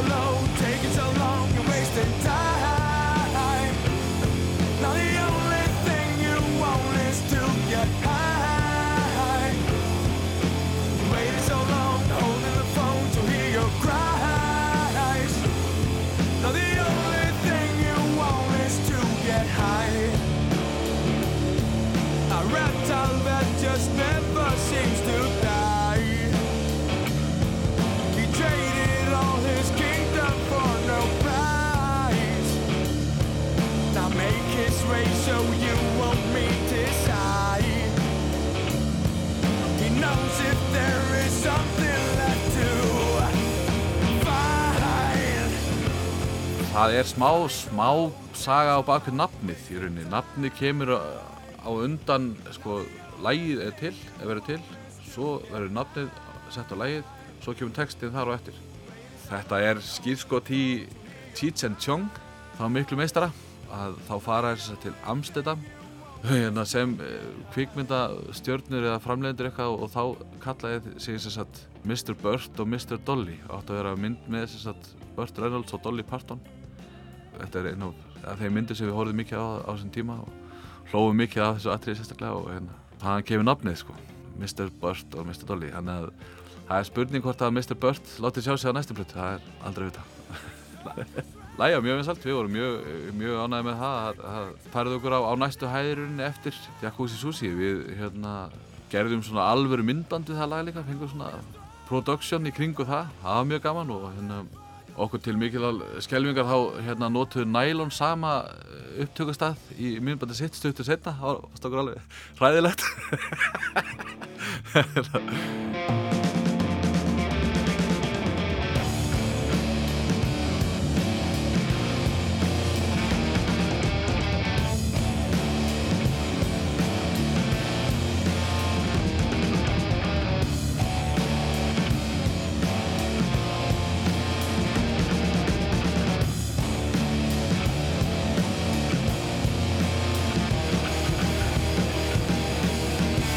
Árið er 2004.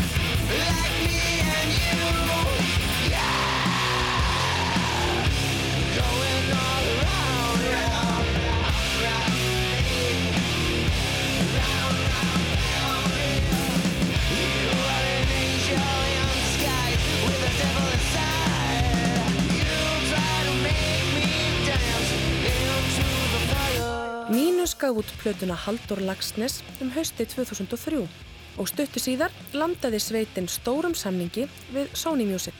Platan var gefin út í Evrópu með nýju umslægi í byrjun ást 2004 og fyrsta smáskifan sem kom út var Angel in Disguise sem hljómar hér undir. Í kjölfarið var farið í sex vikna tónleikaferðum Bretland. Frosti Lógason sagði upp tímabundið sem dagskrástjóra á Exinu og Þorkjall Máni Pétursson fór í fullt starf sem umbósmaður mínus. Með tilkomu Sony samningsins má segja að þeir hafi fengið betri aðbúnað en þeir átt að venjast. Björn Stefánsson trommari segir frá. Við sagt fórum í náttúrulega enn klassíska van þar sem ekkert virkar, við þurftum að íti í gang. Hliðarhurðin var ónýtt og við þurftum að yðurlega ídónum í gang á hverja hver einstu bensinstöð og það var svona mjög romantísk hugsun sko og síðan gerði við samning við Sony Records í Evrópu þá sagt fengum við hljómsveitarútu og, og það var Playstation 2 í, í, í kójónum og maður gæti bara svona lokað, lokað af sér og fengið pásur og svona. Og við unnum okkur þannig upp sko. Svo við upplöðum alveg harkið og líka luxusinn sko. Við vorum stöðugt á On the Road í Englandi. Við vorum ekkert í Camden þá þekkti fólk okkur á göttinu þar. Þá fattaði maður að þetta var byrjað að fólk var svona, mann eitthvað bent á okkur. Og það var, svona- það var stókut út í töff Hljómsveitin Mínus var meira og minna á tónleikaferðalagi allt árið og þar gekk á ímsu. Þorkjall Máni rifjar upp aðkomu Storm Whitby Grubb sem hjælt utanum eitt af tónleikaferðalögum hljómsveitarinnar.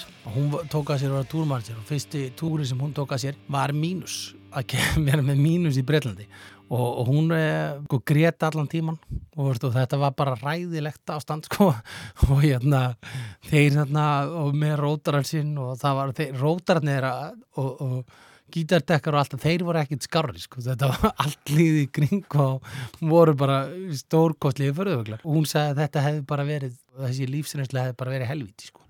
Og síðan fór hún nú að túra og sjá um sko miklu starra production bæði fyrir Block Party og Chiefs og annað. Og hún segi það sko eftir að hafa gert eh, að hafa verið með mínus þá getur hún gert allt. Og það hefur nú líka verið mín reynsla í umbóðsmennsku sko eftir að hafa verið með mínus eftir það, þú veist, þá get ég verið með 10-15 bönd eh, bara með þetta eina band því þetta eina band sko það gæti tekið því líka orku og já, og því lít brjálaði Please be careful when you open your eyes.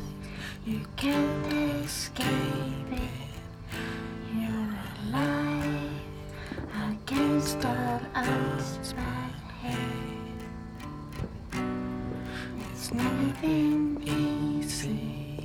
Duettinn Slowblow sem ljósmyndarinn Orri Jónsson og kvipmyndagerðamaðurinn Dagur Kári Pétursson starfrækja sendu fjórðu plötuna sína frá sér á árinu en svo fyrsta kom út 1994. Þíska fyrirtækið Mobile Music gaf plötuna út en Kristín Valtísdóttir og Múm söng í nokkrum lögum plötunar. Slowblow hefur ættið verið eins konar leini hljómsveit og hafði ekki komið fram nema 5-6 sinnum þegar ákveði var að sveitin færi tónleikaferð með Múm um Bandaríkin sumarið 2004. Vegna mikill að Anna hafði Dagur Kári ekki tíma til að spila á öllum tónleikunum í bandarækjaferðinni og hljóp Eiríkur Orri Ólafsson í skarði fyrir hann. Slowblow kom síðan fram á Íslandi nokkur sinnum um haustið þar á meðal á Iceland Airwaves. Wake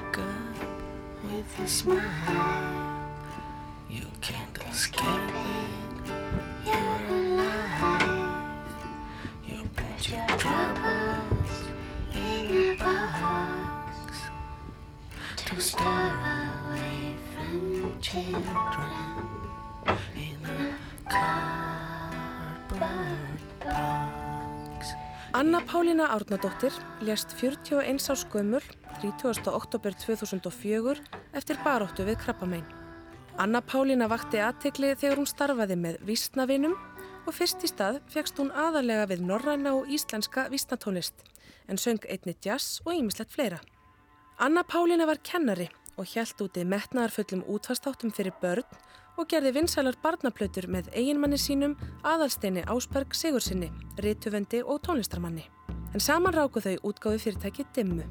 Anna Pálína fegst einni við ritstörf og skrifaði um veikindi sín og hvernig hún tókst á við krabban. Síðustu plötuna Sagnadans vann Anna Pálína með sænska þjóðlega tríóinu Drápnir og kom hún út rúmum mánuði eftir andlát hennar. Og við heyrum hér brot úr læginu Draumkvæði. Fagurt syngur svanurinn um sumarlanga tíð. Þá mun ljúft að leika sér mín liljan fríð. Fagurt syngur svanurinn í sólegar hlýð Stjúpmóður áttu drauminn minn um sumarlanga tíð. Ég skal gefa þér gullskrín mín liljan fríð Fagurt syngur svanurinn í sólegar hlýð Heildar sala hljómplatna var svipuð árið 2004 og árið á undan en íslensku plötunar seldust 10% betur en þær ellendu. Alls seldust tæplega 800.000 plötur á Íslandi árið 2004 sem samsáraði um þremur eintökum á mann sem var með því allra mesta sem gerist í heiminum. Söluhæsta plata ársins var Sálmanplata Elenar Kristjánsdóttur sem seldist í rúmlega 15.000 eintökum og plata Ragnæðar Gröndal seldist litlu minna. Það vakti aðtegli að Steinsnar, Fyrirtæki Steinarsberg Ísleifssonar sem var orðin ferðarþjónustubóndi í Fossatúni gaf báðar plötunar út. Stúlna kvartetinn Nylon náði tíu stendakasölu fyrir jólin og kvarasíplatan Gorilla Disco seldist í 8000 endökum eins og platan með henni Sef með hljómsveitinni í svörtum fötum. Meðal annara sem náðu gullplötu sölu voru Ragnar Bjarnason, Jón Sigursson og Múkisson en sá síðastnemdi fekk fimm tilnefningar til íslensku tónlistarvelunana og hampaði velunum fyrir bestu popplötu ásins og bestu umslagshönnunina auk þess sem murmur var kosið lag ásins. Og þá er íslenska tónlistarárið 2004 senn á enda. Ég heiti Sigriður Tólasíus. Umsjónumenn þáttarins eru Ásker Eithórsson og Gunnlaugur Jónsson og Jónatan Garðarsson aðstóðaði við handritskerð. Í næsta þætti skoðum við íslenska tónlistarárið 2005 en við endum á Daysleeper. Hljómsveitin Daysleeper með söngvaran Sverri Bergmann í farabróti vakti aðtikli með fyrstu plötu sinni Eve Alice haustið 2002. Þar voru ljúvar popflugur áberandi en á annari plötunni sem kom út 11. mæ 2004 gætti mun meiri fjölbreytni. Platan fekk misjafna dóma vegna þess hversu stefnulegs tónlistin var að mati sumra gaggrinenda sem töluðu um að söngstíl Sverris myndi óþægilega mikið á Jeff Buckley. Sveitinni var þó víða hrósað fyrir grípandi lög, góðan hljóðfæraleik og fína vinslu. Sölvi Blöndal stjórnaði upptökum sem hófust sumari 2003 og lauk í massmániði 2004. Lægið Looking to Climb sem kom út á plötunni Svona er sumarið 2003 stóð upp úr á samt læginu Face Down Alive. Takk fyrir að hlusta. After